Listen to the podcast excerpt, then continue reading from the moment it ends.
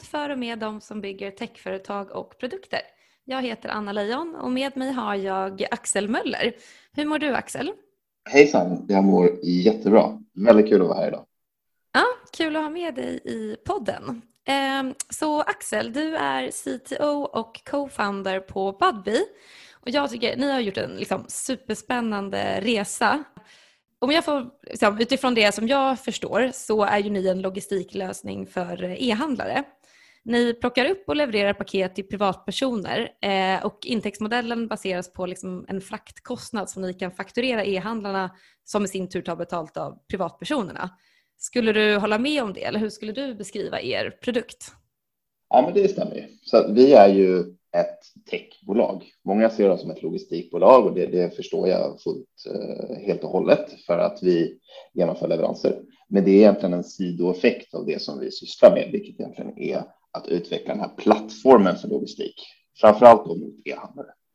Så med hjälp av smarta automatiserade lösningar och jobba mycket med artificiell intelligens så kan vi säkerställa snabba, effektiva, miljöanvändliga, eh, men framför allt individanpassade leveranser av e-handelspaket. Så att vår målbild är att lösa det här vardagspusslet för personer och familjer som, som vill e-handla men inte har lust att stå i kö hos ombud eller låsa upp sig en hel dag för att exempel vänta på en leverans. Ja, ja men exakt. Jag beställde faktiskt ett paket igår eh, via er så det, var, det funkade supersmidigt. Men vi går in i produkten mer i detalj eh, lite senare. Eh, men skulle du först kunna berätta lite om dig själv och liksom, vad gjorde du innan du var med och startade Budbee? Ja, alltså så jag pluggade på SU när jag fick i kontakt med vår vd och grundare Fredrik Hamilton. Eh, vi hade gemensamma vänner och träffades på en fest och då, då måndagen därefter fick jag komma in på en intervju och eh, då hette bolaget inte Budbee utan det hette Sendus. Vi gjorde lite annorlunda saker så vi har pivotat sedan, sedan dess. Men jag kom in som en mobilutvecklare för det är så min bakgrund är. Så vid, vid sidan av mina studier så höll jag på med mobilutveckling och jag släppte alltså iPhone-appar. Den, den största jag hade hette Spot Remote som var egentligen en fjärrkontroll till Spotify. Det var innan det här fanns inbyggt i Spotify så kunde du då använda telefonen för att styra desktop-klienten av Spotify på datorn. Så det var en eh, halvpopulär app då. Den finns inte kvar idag, då, men det var så jag kom i. Eh, ja, det var så jag kom in i gamet så att säga. Mm, det var det var liksom det som tog dig, fick in dig genom dörren. Ja, eh, ja men vad coolt. Så du, men du, du pluggade på SU men du höll på med det vid sidan av och är du liksom självupplärd så här, apputvecklare eller? Ja, men det tror jag egentligen de flesta utvecklare är. Att skolan är jättebra och eh, du, du får lära dig en del basic saker där, men det gäller att sitta på fritiden och liksom ha ett intresse för det här för att det ska för att det ska mynna ut i någonting. Så jag har ju programmerat i hela mitt liv. Jag började med HTML liksom när man var 10 år gammal och sen har jag fattat ett intresse för framförallt mobilutveckling då när första iPhone kom. Spännande. Yes, men Budbee då, hur kom ni på den idén och varför satsar ni på den så att säga? Vad, hur startade det? Jag började med att utveckla fleet management system för åkerier. Och det här var en gratis mjukvara som vi erbjöd. Man skulle då mata in alla sina uppdrag som man hade under en dag och sen då skulle kunde vi se när du gick tom. Till exempel, du har haft ett uppdrag från Stockholm till Uppsala, men går tom tillbaka. Och då skulle vi mäkla in nya uppdrag, vilket är en jättebra idé. Det finns andra som gör det, men det var, det var lite för mycket manuell handpåläggning för oss. Och vi hade alltid baktanken att men vi vill göra egen logistik. Vi vill vara en helhetsleverantör för det här. Så att då pivotar vi in till att vi vill göra e-handelsleveranser. Så ni var B2B först och sen gick ni över till B2C så att säga? Uh, ja, vi är ju fortfarande liksom B2B. Eller ni är ju B2B, men ni, er slutkund är en privatkonsument ja, nu. Exakt. exakt. Mm. Ja, verkligen. Det, är, det är en rejäl en pivot då, så att säga. Det, det är jag ju superintresserad av, för att liksom, ni konkurrerar ju med så här, Postnord, DHL, Schenker, eller vilka, vilka skulle du säga är de de gamla rävarna i gamet som ni ändå utmanar? Är det de eller finns det några, några andra som ni också stångas med? Ja, men det, det finns ju Det har ju blivit, blivit en uppsjö egentligen av äh, alternativ sedan vi startade. Så när vi började, då fanns det egentligen Postnord, DHL, de här stora drakarna. Nu för tiden så finns det en del andra, också startup-aktörer som är ungefär i samma nisch som vi, som vi konkurrerar mot. Och det visar ju att vi är i rätt, vi är i rätt bransch och det är en bransch i förändring och det här, det, det finns ett behov av det här. Så det är som en liten extern validering av vår business och det finns andra som, som gör det här också. Exakt. Man brukar väl säga att eh, copycats är, är en bra komplimang för då gör man någonting korrekt så att säga. Någon vill kopiera det. Ja, men verkligen. Ja, men spännande. Men hur, okej, okay, så ni gick över till att er slutkonsument var en privatkund och då ville ni börja liksom, kontakta e-handlare? Eller hur, hur byggde ni de här relationerna med e-handlarna och fick upp liksom, den, det ekosystemet? I och med att vi var ändå relativt lokala från början. Vi hade ju vårt kontor i Stockholm och det var där vi ville börja göra våra leveranser. Det finns ingen e-handlare som vill leverera enbart i Stockholm, utan de är ju åtminstone nationella. Så då började vi egentligen att erbjuda våra tjänster till så här matkassar. Vi hade några matkassekunder och det är inte de här äh, mathem där du klickar in äh, en matkasse, utan det var de här för, äh, försatta receptkassarna. Och för, för de var redan relativt lokala då du skickar inte en matkasse genom hela, hela landet.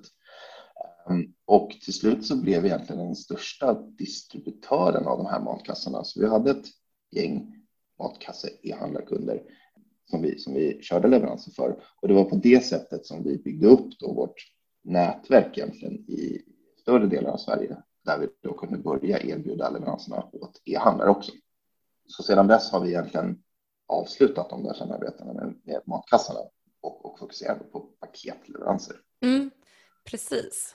Har ni byggt liksom integrationer med alla e-handelsplattformar eller hur, hur stångar man sig in där? Ja, det här är det skulle säga en utmaning för alla som vill komma in och bli leverantör åt e-handel. Det är att det finns då ett gäng olika plattformar som e-handeln använder, alltså Shopify och WooCommerce och liksom Askos etc. Samtidigt som att e-handlarna själva är inte alltid teknikbolag, utan de är grossister. Alltså de är duktiga på, på att köpa in varor och sälja dem. Men de har kanske en färdig plattform, ingen egen kompetens eh, liksom teknikmässigt eller har ett externt bolag de arbetar mot. Eh, och att liksom komma in där kan vara, kan vara en lång ledtid. De har jättemycket att göra och om du inte till, skapar tillräckligt mycket värde väldigt snabbt så kommer du hamna längst bak i liksom en backlog. Och vi, vi har ju då spenderat liksom mycket resurser på att bygga vårt Eh, öppna på API, det ska vara så simpelt som möjligt och vi eh, finns i alla de här liksom standardplattformarna så att det ska bara vara en click and play och vi arbetar med sådana här TA-system, alltså transportadministration såsom Unifound och Centiro som är två stora i Sverige som då är den här liksom integrationspunkten mellan e-handlaren och alla logistikaktörer, så Adby, Postnord, etc. Så att det ska vara så smärtfritt som möjligt att, att komma igång. Men, eh, men det finns absolut vissa e-handlare som inte har, eh, där det finns liksom penna på papper, men de har inte haft tekniska eh, kunskapen eller tiden liksom att komma igång. Så det, ehm, det ska man alltid ha i åtanke om man har en teknisk produkt som man vill sälja mot e-handlare, att ledtiderna kan vara rätt långa. Exakt. Men var det så att ni liksom ringde e-handlarna där i början och sa att vi, vi har en svingrym logistiklösning, vill ni koppla på den? Eller hur, hur övertalar man dem så att säga? Jo, absolut, så är det ju. Eh, och, och vi satsade först och främst på ganska stora e-handlare. Just det. Um, och det beror egentligen på att, att liksom unit of economics måste gå ihop för e-handlaren. Mm. För att, att betala för leveransen är en sak det, det, finns ju då liksom ett fast pris för, för utförd leverans. Men vi måste också få in alla de här kollerna till vår närmsta distributionsterminal. Och det sker oftast med en upphämtning av, av vår bil, där vi då liksom hämtar alla koll in för den dagen. Och är det då en väldigt liten e-handlare så blir det en relativt ganska hög kostnad för att göra den här upphämtningen. Så därför mm. ville vi fokusera på stora e-handlare som har mycket volym, som då liksom ser till att våra distributionsrutter också har en tillräckligt hög densitet från början innan man kan fokusera på alltså, de, de mindre e-handlarna. Ja, exakt. Men ja, det är mycket cold calls och det har varit mycket um, som uh, word of mouth. Mm. Alltså jag själv när jag har eh, byggt olika grejer just inom B2B så har jag dragit ut eh, listor från alla bolag liksom, sorterat på SNI-koder och sen sorterat på omsättning och sen ringt utifrån den listan. Var det någon sån typ av approach ni hade också? Ja, absolut. Men det, det har nog skett en del, hel del liksom growth mm. hacking också då, för, för, att få fram vilka e-handlare som det vi ska fokusera på, på först. Men mycket av det här, det, det har ju liksom lämnats för, först då, liksom min vd, sen så har jag en cellavdelning liksom nu, så att jag sitter ju mestadels och bygger liksom den tekniska plattformen och um, är inte en säljare kan man mm. verkligen säga. Jag, jag har nog aldrig sålt något i mitt liv. ja, men det, det är skönt att höra. Nej, men som du säger, alltså det, det handlar väl om liksom skalfördelare i den här branschen och det är väl så väldigt små marginaler ändå, eller? Ja, så skalfördelningar handlar det absolut om. Så att det gäller att det finns en viss densitet i en leveransrutt för att den ska vara lönsam, men också miljömässigt hållbar. Så att för oss är det eh, superviktigt att vi har tillräckligt hög volym i alla distributionsled för att vi ens ska liksom genomföra de här leveranserna. Annars så, så tackar vi nej till uppdrag helt enkelt. Exakt. Jag, jag har ju ett eget litet bolag och jag var inne och skulle testsigna upp mig hos er igår. Men då var det minst 500 paket i månaden tror jag det var. Jag, jag tror inte vi, vi nådde inte riktigt upp i det så då fick jag hoppa av sign-up-flödet där och då. Men annars var det supersmidigt eh, flöde. Mm. Okej, ja men eh, shit vad coolt att, att höra och framförallt om hur ni har pivotat från, från starten. För att om jag skulle höra någon pitcha att så här, vi ska bli nya Postnord fast mer miljövänlig och snyggare och du vet de här bitarna. Då hade jag också sagt liksom, okej okay, det, det låter svårt att göra från scratch men har man den erfarenheten och bakgrunden, jag har fått det att funka på andra use case och pivotar hela tiden så låter det ju som en, eh, en riktig framgångssaga. Super, men okej, okay. så när ni kommer in hos eh, e-handlaren... ni har äntligen eh, fått dem ska säga, prioritera det här i sin backlog och ni syns på deras hemsida. Problemet då är väl att ni, ni visas ju där liksom bland alla andra logistikaktörer också. Så hur, hur får man då liksom privatpersonerna att välja just er? Vi ser ju att vi har alltså en stor skara av väldigt lojala konsumenter som aktivt söker ut Budbee. För de eh, så från början så har vi varit ett ganska okänt märke och eh, folk kanske har testat oss för att de är intresserade av hur det fungerar. Och så märker de att ja, men det här var ju väldigt, väldigt smidigt. Det var ju en bättre upplevelse än vad jag har liksom upplevt förut. Så därför då aktivt söker vi ut och använder oss igen. Bland annat därför har vi då liksom släppt vår egna app där du enkelt administrerar alla dina leveranser, men framför allt också kan söka på produkter och e-handlare som är kopplade till Budbee för att du, du vet vad du vill köpa och du vet att du vill ha en Budbee-leverans. Men du, du är osäker på kring liksom vilken e-handlare jag vill eh, handla hos. Om det är A eller B kanske inte spelar så stor roll, utan det, det enda som eh, du vet är att du vill ha en smidig leverans. Mm, ja men verkligen. Men eh, okej, okay, så eh, låt säga att jag är en eh, e-handel och jag har byggt eh, en egen hemsida. Jag har ju liksom ingen e-handelsplattform eller något, någon, jag använder liksom inget, det finns ju få faktiskt som ändå bygger egna eh, e-handelssidor. Hur, hur ska jag få liksom, ert leveransalternativ att synas på min hemsida? Eh, ja, så det, det behöver ske två saker. Ett är att du ska då lägga till oss i kassan. Och då sker en postnummervalidering som det heter. Det vill säga att konsumenten anger sitt postnummer och så säger vi ja eller nej. Vi levererar det här området eller inte. För det finns ju inte nationellt än i Sverige. Eh, vi finns nationellt i mm. Nederländerna för att det är så hög densitet av folk. Men, men här i Sverige är det lite glesare. Och därefter så är det då en koppling mellan TA-systemet och oss. Så att är man en e-handlare så använder man sådana här TA-system för att man vill koppla ihop sig mot Budbee och andra transportörer också. Eh, och då är det egentligen bara att aktivera oss i, i det systemet. Så att det här är mindre än dags arbete för, för, den som, eh, för den som kan det. Okej, så det är inte e-handelsplattformen i sig utan det är det här TA-systemet som man integrerar med? Ja, exakt. exakt. Så e-handelsplattformen är egentligen bara ett, ett, ett vackert sätt att visa på vår logga och andra aktörer. Det är nog så viktigt. Okej, men eh, en fråga som också jag tycker är superintressant är hur kom ni på namnet? Ja, det är lite speciellt faktiskt. För att, eh, vi hette ju som sagt tidigare Sendus. Um, mm. och, och, det, var ett, det var ett jättebra namn då. Men vi saknade Sendus.com. Det var ett amerikanskt bolag som också hette Sendus. Och då började vi söka efter, när vi vill hitta ett bolagsnamn som funkar i hela världen och där i princip alla domäner är lediga. Så då började vi, vi började jaga och vi började skriva ner olika alternativ. Eh, jag tror vi hade kanske 200-300 olika alternativ som vi hade hittat på och så skickade vi ut det här i, i, till alla våra anställda och så röstade vi och det här Budbee.com var det alternativet som då egentligen fick enhälligt eh, flest röster, röster som alla hade röstat på som ett alternativ. Mm. Och från början betyder egentligen ingenting Budbee, men det, det ligger fint på tungan. Idag så har vi ju inkorporerat det så att säga. Det, det, på svenska så handlar det delvis om bud och sen så har vi då ett eh, bi som, vårt, som vår maskot etc. Så att det, det har blivit ett uh, lyckosamt val. Verkligen. Det är supersvårt som du säger att hitta .com-domäner som är lediga och framförallt med så få bokstäver. Ja, exakt. Jag tycker det är superbra namn. Kul att höra. Om vi stäm, eftersom du också eh, är ju mobilutvecklare så vill jag ju få höra lite om er så här tech-stack. Alltså vad, vad har ni gjort för teknikval, så här, hosting och programmeringsspråk och alla typer av eh, liksom infrastrukturbeslut som ni har fattat på vägen. Hur, eh, hur har ni byggt er produkt? Vi, likt många andra startups och bolag, använder såklart molnet. Vi har använt, eh, valt att använda Amazon ehm, där vi då har lite olika kluster av liksom eh, instanser, alltså servrar. Eh, och på dem så deployar vi Docker-containrar som kör mestadels Java-appar. Så det mesta av våra backends är skriven i, i Java.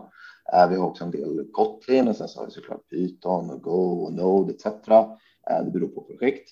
Eh, och sen så på frontändarna, vi har ett par stycken som vi eh, så använder vi uteslutande React som är alltså Facebooks eh, liksom, eh, bygga.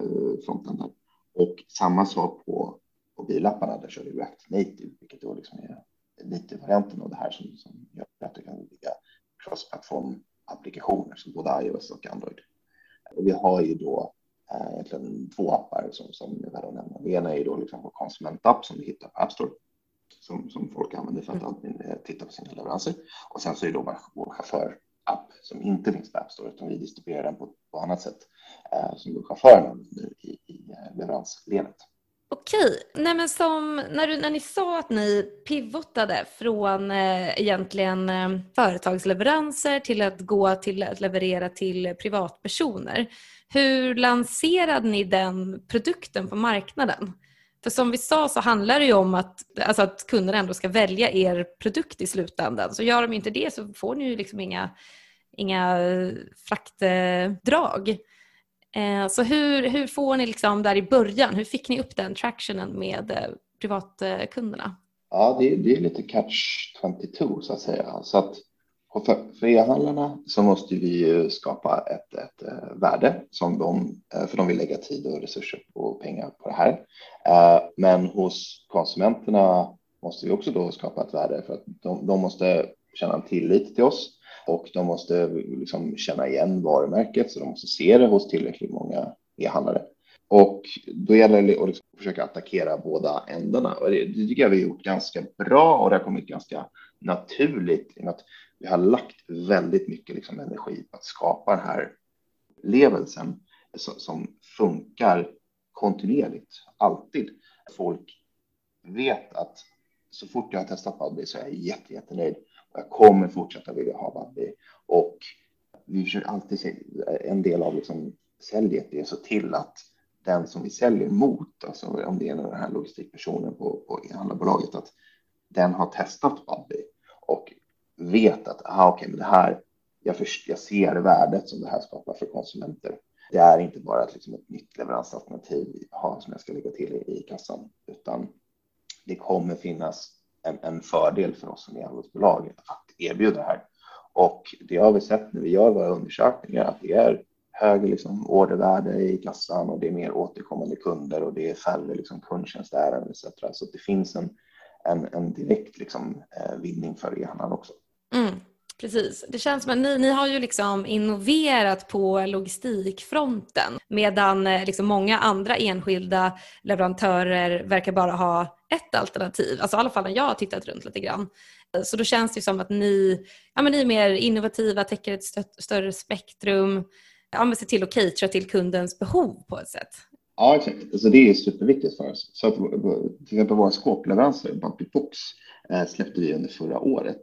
Eh, och det var som ett komplement till vår hemleverans. Hemleverans är fortfarande liksom vår core. Det är det som vi, vi är mest kända för. Men vi ser att skåpleveranserna det är ett eh, lika bra, liksom likgiltigt alternativ när en hemleverans inte passar dig. Och till skillnad mot andra så har ju vi också då möjligheten att du som en self-service kan byta mellan hemleverans och skåpleverans när du vill, som hur många gånger som helst. Eh, så att du kan verkligen anpassa det här. Eh, även om e-handlaren själv bara erbjuder en av tjänsten så kan du i efterhand också uppgradera eller liksom byta, byta tjänst. Och sen så har vi då liksom att själva personifieringen av leveransen är superviktig för oss så att du du vill ha det utanför dörr eller du vill att det ska lämnas i hand eller du vill att det ska knackas lätt på dörren för att du möter dina barn när det kommer etc. Och att det här då följer med i din nästa leverans också så att vi lär oss av dig och säger att ja, men det, det är så här du vill ha din leverans. Men då ska vi se till att det blir så nästa gång också utan att du själv behöver gå in kontinuerligt i appen och hålla på och uppdatera det här. Utan det ska vara ett, ett, ett sömlöst alternativ som bara inte stör dig för mycket i vardagen utan vi ska vara den här liksom, pussellösaren eh, som bara dyker upp i tid. Mm, exakt. Men då, det är perfekt för då kommer vi in lite på min eh, nästa fråga som jag var intresserad av och det är att du nämnde AI där i början. Så hur, hur jobbar ni med, med det och, och hur funkar det? Vi har ju lite olika ställen i liksom vår organisation där vi använder AI eller framförallt liksom maskininlärning. Eh, ett av de viktigaste eh, som vi implementerar här i vår ruttoptimeringsmotor. Så att vi ställs inför grundproblemet att vi har 100 000 leveranser som vi måste genomföra. Okej, hur ska vi göra det? Vi måste veta hur många bilar krävs det? Eh, vilken bil ska ta vilket kolli? Eh, vilken ordning ska de köra? Och framförallt när estimerar vi att de ska vara vid varje stopp och göra varje leverans? Så att då har vi utvecklat en helt egen ruttoptimeringsmotor det här är ingenting nytt. Det existerar på marknaden. Vi har liksom inte eh, uppfunnit det här, men vi har implementerat en del olika grejer som, som är vår intellectual property som gör att det här är skalbart, väldigt optimerat, eh, alltså snabbt och eh, säkerställa att vi har en liksom hög säkerhet i, i våra uträkningar. Och vi har benchmarkat oss mot andra alternativ och ser att vi gör det faktiskt bättre. Och inte bara liksom att det blir en mer effektiv leverans för oss då, och liksom säkrare för kunden. Också så har en väldigt hög liksom påverkan på miljön. I och med att ju kortare vi kör, desto mindre utsläpp sker det. Då. Så att det är en viktig del i liksom vårt miljöarbete. Sen så har vi såklart för mycket cyklar, elbilar, fossilfria liksom, eh, bränslealternativ och sånt där.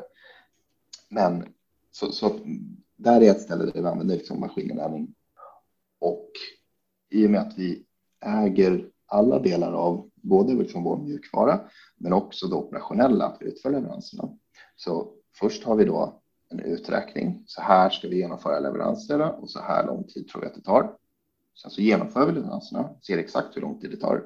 Så kan vi mata in den datan in i vår maskininlärningsmodell så att den då liksom lär sig över tid och blir bättre.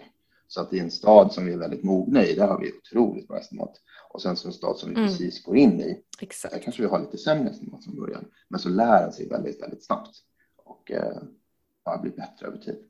Så ni har liksom en prediktionsmodell som, eh, som optimerar på tid och eh, ska man säga, CO2-utsläpp, eller? Ja, exakt. Det, så det, det finns väldigt många parametrar vi kollar på. Så att bland annat mm. tid och distans och kostnader och liksom vi måste säkerställa vissa liksom, eh, fossilfria zoner och liksom vissa alltså du kan köpa sådana tidsfönster att vi ska komma inom en viss timme och så. Sen så finns det restriktioner i liksom hur mycket en bil kan ta, hur mycket en chaufför kan bära och så där. Så att, um, det, det, är ett väldigt komplext problem. Mm. Men det, det, är verkligen supercoolt. Det är ett liksom klassiskt eh, optimeringsproblem med väldigt många variabler. Mm. Mm. Ja, men du nämnde kanske också att ni använder AI någon annanstans i verksamheten, eller? Eh, ja, så att vi har ju dessutom ritat, utvecklat och byggt sorteringsmaskiner själva som vi Eh, använder i våra distributionsterminaler. Så det här är egentligen stora industriella liksom, rullband där du lägger på kollin och sen så går de över, under liksom en, en, en båge så där som du har på kanske en, en flygplats när du eh, skannar ditt bagage. Där vi då volymmäter, stickkodsläser och fotograferar kollit och så där och sen så sorterar vi ut då på eh, i olika riktningar. Det ska antingen vidare till en annan terminal, en annan stad eller så ska det ut liksom för att levereras här ikväll. Och där använder vi AI både för sorteringen men också liksom för att kunna eh, använda det här fotografiet av kollit för att ta reda på vad, vad är det för typ av koll? Liksom, så här, är det en hård låda? Är det en plastpåse? Kan den, eh, framförallt i våra liksom, skåpleveranser, vilket typ av liksom, det här box får en plats i och liksom kan den eh, staplas på varandra och så där. Mm. Så ni fotar, använder ni bildigenkänning då eller? Ja, exakt. Mm, coolt. Ja, men det låter ju verkligen eh, som, eh, som framtiden. Men vill du berätta om några liksom, kriser eller misstag som ni har råkat ut för och kanske några lärdomar och tips från dem eh, under er resa hittills? Mm. Ja, alltså vi har ju tagit så många felbeslut så det, det går inte att räkna på på, på en hand. Men det vore ju fel att säga att det liksom är rena misstag. Det har ju varit, det har varit uteslutande varit lärdomar som gjort att vi är där vi är idag. Så om inte hade vi hade testat alla de här ibland väldigt dumma sakerna så, så hade vi inte vetat vad som funkar och inte funkar för just vårt bolag. Och jag, stor, liksom, jag tror en stor del av den framgång vi har haft hittills har legat i att vi är väldigt liksom, pragmatiska i utvecklingen. Så det har kommit fram en idé som vi vill testa och då kan man sätta sig ner och rita hur vi ska bygga. Eh, hur ska vi bygga det? Ta fram acceptanskriterier, göra mockups, proof of concepts, MVPs. Vi har liksom skitit i det där. Eh, håll den här planeringsprocessen så, så effektiv som möjligt. Se till att någon bygger det och får ut i produktion. Och det kommer bli fel. Det kommer krascha, det kommer se för jävligt ut. Men det är först i produktion liksom, hos riktiga användare som du ser om den här idén flyger eller inte. Mm, exakt. Och därefter kan man då börja iterera, göra förbättringar. Och du kommer betala av den liksom här tekniska skulden som det heter. Och du kommer vilja bygga det som arkitekturellt hållbart och skalbart. Men, men de allra flesta grejerna som, som du bygger som en startup och så, där, så, så kommer det hålla i ett år eller flera år för sådana här tillväxtbolag. Och liksom ett år är väldigt, väldigt lång tid för oss. Vi vet inte hur verksamheten kommer att se ut då och, och just om den här funktionen ens är viktig eller om den ska bytas ut helt. Mm. Um, däremot så finns det en viktig sak som man aldrig får glömma i planeringen och det är att knyta en till tre kopior till alla features som man bygger. Och vi har missat det här jättemånga gånger också. Så att vi har utvecklat en feature och släppt den och sen har de frågat ja, men vad, vad coolt, är det en populär funktion? Hur många använder den? Nej, ingen aning. Alltså, så, du måste använda data och absolut inte magkänsla, liksom generell uppfattning för att validera en produkt. Det är superbra tips. Men har du några exempel på någon idé som ni, som ni testade och som sen visade sig vara liksom impopulär eller så? Ibland kan det vara någonting som i så praktik eller i teorin liksom låter väldigt bra och sen när man genomför det så är det så här, men det här var egentligen inte någonting som någon ville ha alls. Mm. Ja, vi hade projekt en gång som hette But Make a Move. Så att vi, vi, vi ehm, gör ju våra hemleveranser under kvällstid 17 till 22, vilket egentligen betyder att våra de här distributionsbilarna står ju still under dagen eller liksom har väldigt lite användning. Så då hade vi idén att hyra ut de här bilarna inklusive chaufför egentligen för eh, generella uppdrag under, under dagen för privatpersoner. Även till exempel du ska göra någon liten flytt eller så där. Och det, det låter väl ganska rimligt, men, men eh, det gick inte riktigt heller ihop och det fanns ingen. Det fanns inte så högt eh, tryck på den. Jag tror vi fick in en beställning och sen så när vi kom dit så hade vi skickat fel bil så det som skulle packas fick inte plats. Så vi la ner det.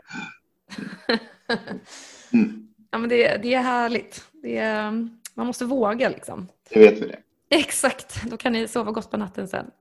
Men är det någonting som du så här in hindsight hade gjort eh, annorlunda om du hade vetat om det där och då? Nej, jag tror inte det. Vi har testat jättemycket saker. Det är så vi vet att, vad som funkar för oss. Nej. Det finns ingenting vi, vi hade ändrat på. Det har bara varit lärdomar. Mm, man måste liksom ha den processen eh, för att komma dit man är idag så att säga. Ja, verkligen. Och Ja. liksom, vårt bolag har vuxit jättemycket från att vara liksom fem personer till nästan 300 nu och liksom allting finns inte på plats från början och det kan vara lite kaosartat och sånt där. Men det, det kommer. Det, det blir bara naturligt att ett, ett bolag växer och även om det inte är på plats när alla 300 är här så, så är det fortfarande startat. Det är scale-up och eh, folk är väldigt medvetna om det. Det blir mer moget över tid. Exakt, man kanske är så mer förlåtande som kund också när underdogen kommer och utmanar de här bjässarna, Postnord och Ja, men lite. Man rutar ju lite liksom på den här Ja. lilla spännande spelaren. Ja. Så jag tror att vi har högre precision än vad andra aktörer har ändå, från vad man har hört. Mm. Vi vet ju själva vad vi, vad vi lyckas med. Och vi har bara skrapat på ytan. Vi, alltså, vi har ju vi har en backlog och en roadmap som är väldigt, väldigt, väldigt lång. Vi uh, nyrekryterar otroligt mycket nu för att liksom komma igång med det här. Så att det kommer bara bli Mm. bättre härifrån, vilket är väldigt roligt. Och, så det är inget underhållsarbete vi sitter med nu, utan Nej, det är nu resan börjar. det är nyutveckling hela tiden liksom. Ja, Ja, Exakt. det är svinballt. Okej, men du, du har ju byggt eh, techprodukter innan Budbee och nu med Budbee och så. Jag pratade om Spot Remote innan som jag tyckte var superspännande, den här kontrollen till Spotify. Eh, Men vad har du för tips till andra som också vill bygga egna techprodukter? jag tror att det, det, det gäller att vara pragmatisk. Arbeta med liksom MVPs, få ut saker så här tidigt i produktion och liksom bara tryck ut det. Arbeta med growth hacking, se till att folk använder det. Det, det, det. det är ingen som kommer komma till dig och eftersöka liksom så här, din produkt, utan du måste trycka upp det i ansiktet på folk för att, för att de ska eh, bli intresserade. Och så gäller det att inte liksom, du behöver inte överarkitekturera det från början, utan det gäller att börja väldigt, väldigt simpelt. Och även när det börjar bli komplext så gäller det att ändå hålla det simpelt. Man måste ta genvägar och man måste släppa vissa, vissa liksom acceptanskriterier för att hålla det eh, simpelt och liksom för att det ska vara, gå att underhålla det här. Verkligen. Superbra tips. Ja, men vi börjar eh, komma till slutet. Men jag har eh, två frågor kvar. Eh, och den första är liksom, om du vill ge någon eh, sneak peek in i framtiden för Budbee. Om ni har några nya features, liksom, vad är er framtida vision? Om du vill dela med dig av den. Eh, så Buddy är ju liksom en stor expansionsfas. Det finns ju nu i Sverige, Danmark, Finland, Nederländerna och så öppnade vi i Belgien för bara några veckor sedan. Så vi kommer fortsätta expandera i de här marknaderna och nya marknader. Det i sin tur gör ju att vi kan knyta till oss andra typer av e-handlare som förväntar sig den här liksom internationella presensen. Och vi har en uppsjö av egentligen features för både konsumenter och e-handlare som gör att det här blir en ännu bättre upplevelse. Det kan vara lite hemligt, jag kan inte gå in på exakt detaljer, men, men det kommer vara Nej, nej, det kommer komma väldigt mycket framöver. Mycket fokus på vår liksom, skåpleveranstjänst. Så att det finns mycket saker vi gör där. Vi har tryckt ut lite över tusen skåp på den här korta tiden och kommer fortsätta expandera det för att liksom ha en väldigt hög densitet. Så du ska alltid ha ett skåp nära dig oavsett var du bor. Och eh, möjligheten liksom Mm. att returnera dina varor i de här skåpen eller i en leverans om du vill det. Det som passar dig helt enkelt. Mm, det låter superspännande. Det ska bli kul att följa er eh, resa. Men slutligen, eh, vet du någon annan textskapare som du tycker att jag borde intervjua härnäst? Eh, jag skulle nog säga de på Memo som gör de här videohälsningarna av, med, med kändisar. Det finns en kille som heter Gustav som man borde prata med. Han är nog väldigt taggad på att vara med. Åh, vad roligt.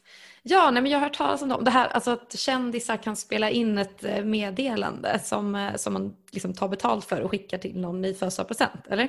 Exakt, exakt. Ja, Så jag, jag Okej. använde det här på min flickväns födelsedag bland annat och skickade lite hälsningar, bland annat från Arvingarna som är en favorit. Ja, gud vad härligt. Men det, det är också en bra liksom, sidoinkomst för kändisarna, speciellt så här i coronatider när de inte kan spela så mycket konserter och så vidare. Ja, verkligen. Ja, men det är en rolig tjänst. Ja, verkligen. Superbra tips där. Och ni rekryterar ju också för fullt på Budbee, så alla techtalanger där ute borde slänga ett getöga på budbee.com där alla öppna positioner är listade. Ja, men tack så hemskt mycket. Eh, det var superspännande att höra mer om Budbee och höra mer om dig. Eh, jag hoppas att våra vägar korsas igen i framtiden eh, och får önska dig all lycka framöver med Budbee. Ja, men tack själv. Det var verkligen superroligt att vara med. Så ja. jag hoppas att vi, vi hörs snart. Kul. Tack. tack.